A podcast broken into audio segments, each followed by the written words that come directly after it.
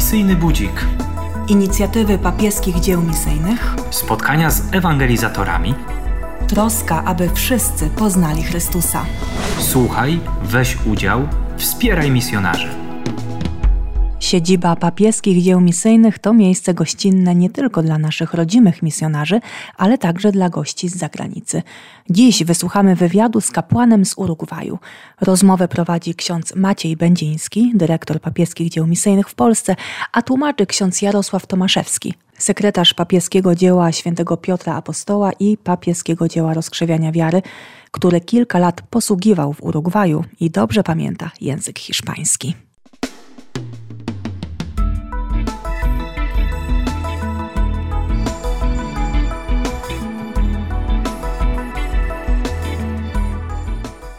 Mi nombre es Martín Miranda, soy sacerdote hace nueve años, soy de Uruguay. Eh, estuve dos años estudiando en Roma y ahora antes de volver a mi país...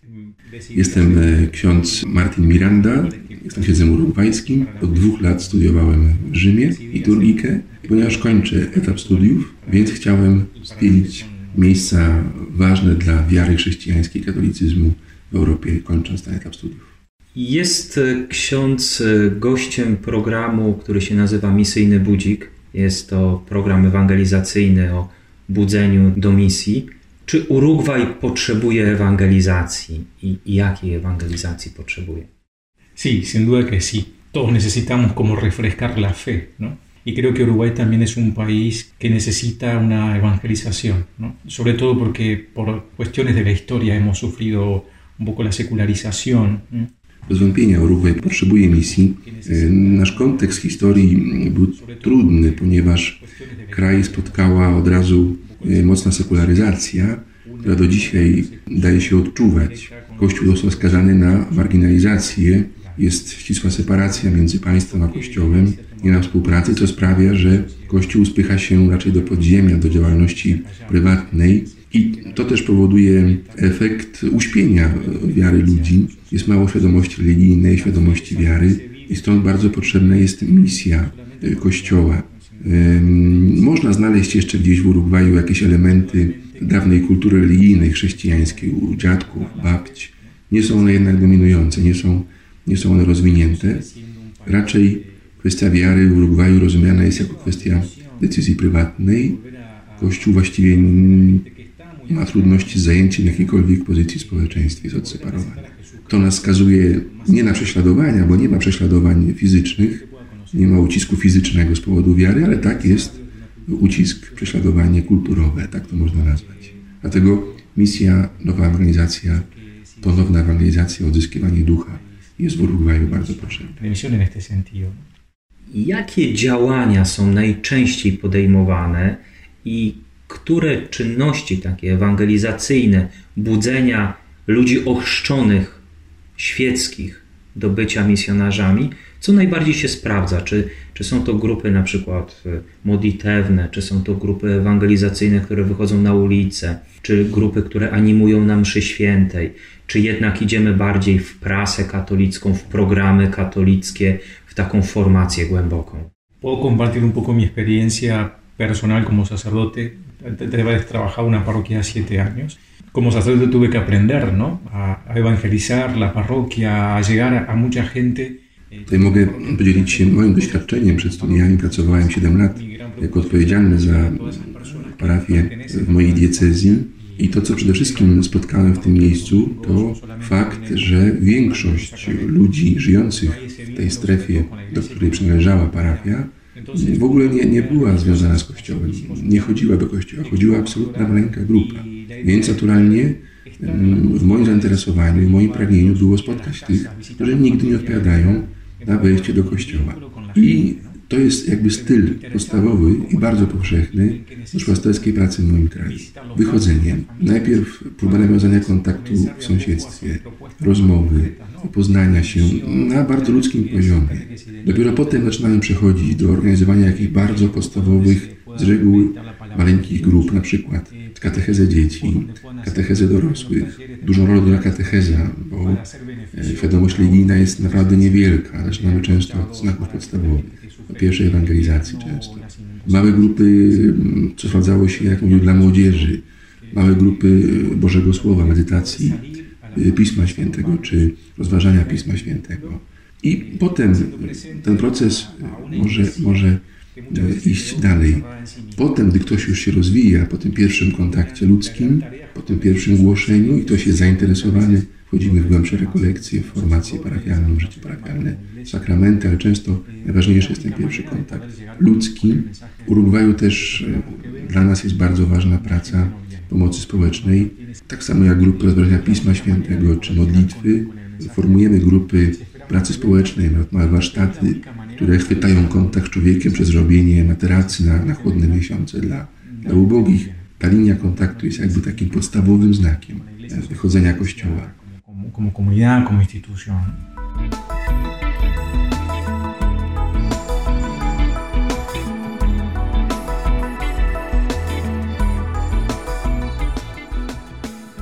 Jaki element takiego działania dotknął serce księdza, że odkrył ksiądz swoje powołanie?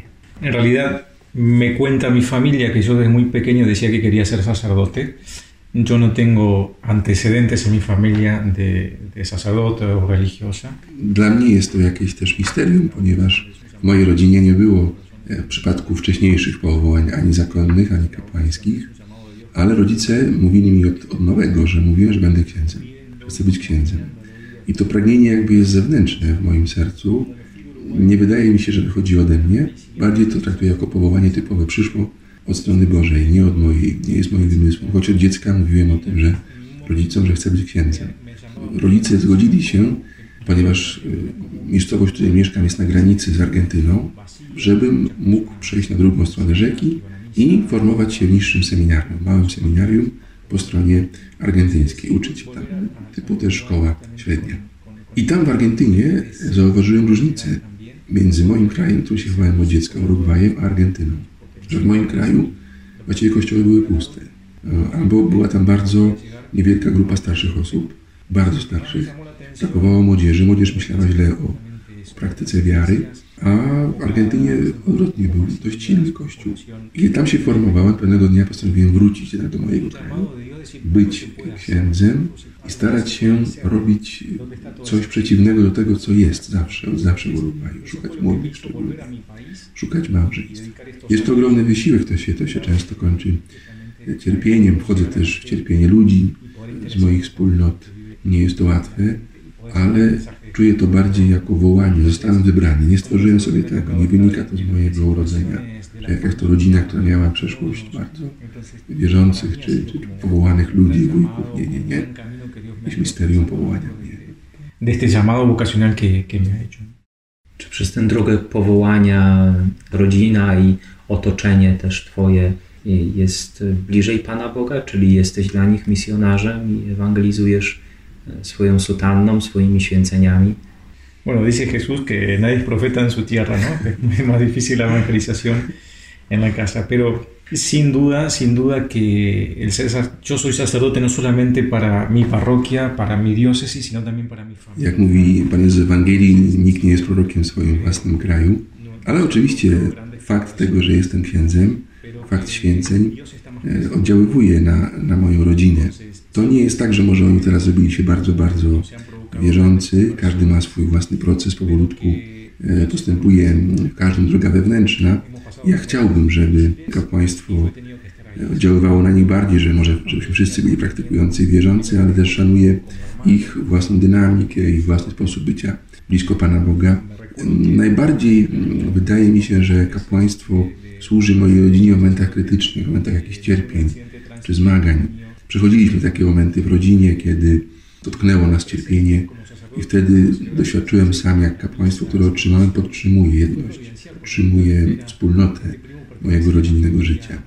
Takich wiele zdarzeń mógłbym powiedzieć, chociażby jedno wielkie cierpienie mojego kuzyna, mojego krewnego, który nie był za bardzo praktykujący, ma jakąś tam wiarę na dystans wtedy, ale kiedy cierpiał, zwrócił się właśnie najbardziej do mnie, wtedy mógłbym mu najbardziej towarzyszyć. Z całą pewnością każdy idzie swoją drogą do Pana Boga, ale już sama obecność księdza w takim środowisku familia.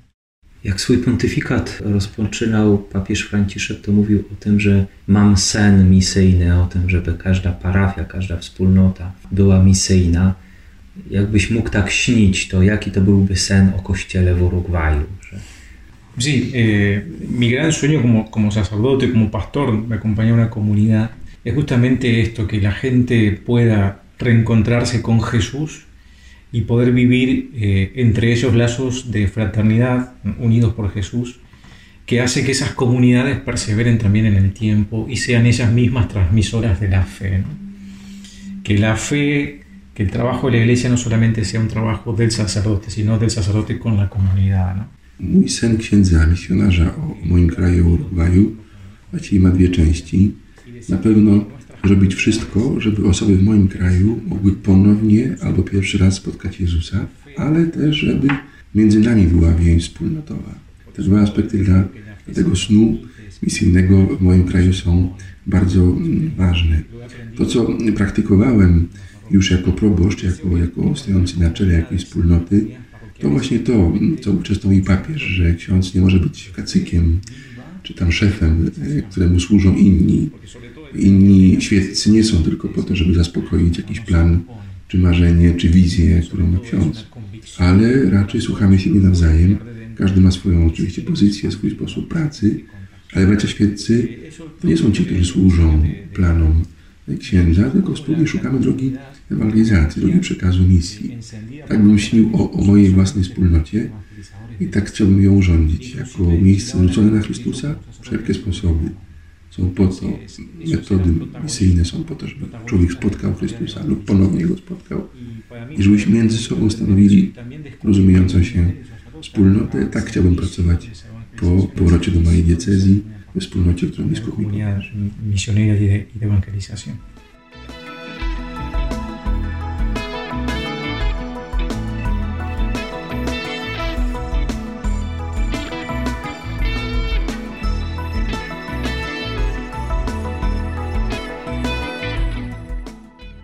Naszego programu słuchają e, dziesiątki, tysiące ludzi e, i ten program też jest e, zaproszeniem do, do modlitwy, do takiej duchowej łączności.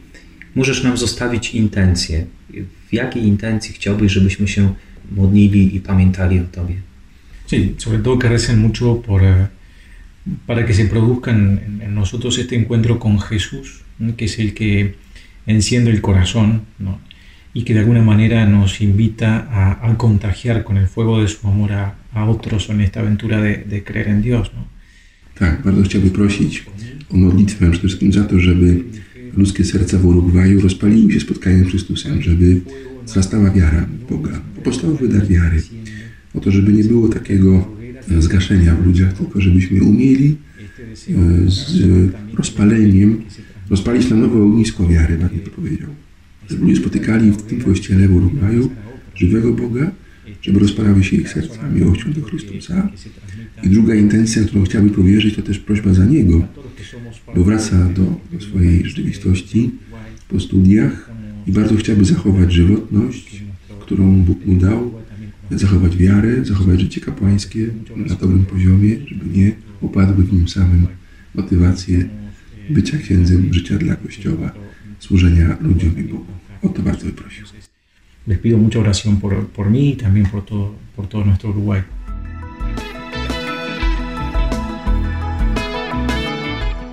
O Urugwaju z księdzem Martinem Mirandą rozmawiał ksiądz Maciej Będziński, dyrektor papieskich dzieł misyjnych. Rozmowę tłumaczył ksiądz Jarosław Tomaszewski, sekretarz papieskiego dzieła rozkrzewiania wiary i papieskiego dzieła świętego Piotra Apostoła. A w kolejnej audycji przyjdzie już czas na zapowiedź tegorocznej edycji kolędników misyjnych.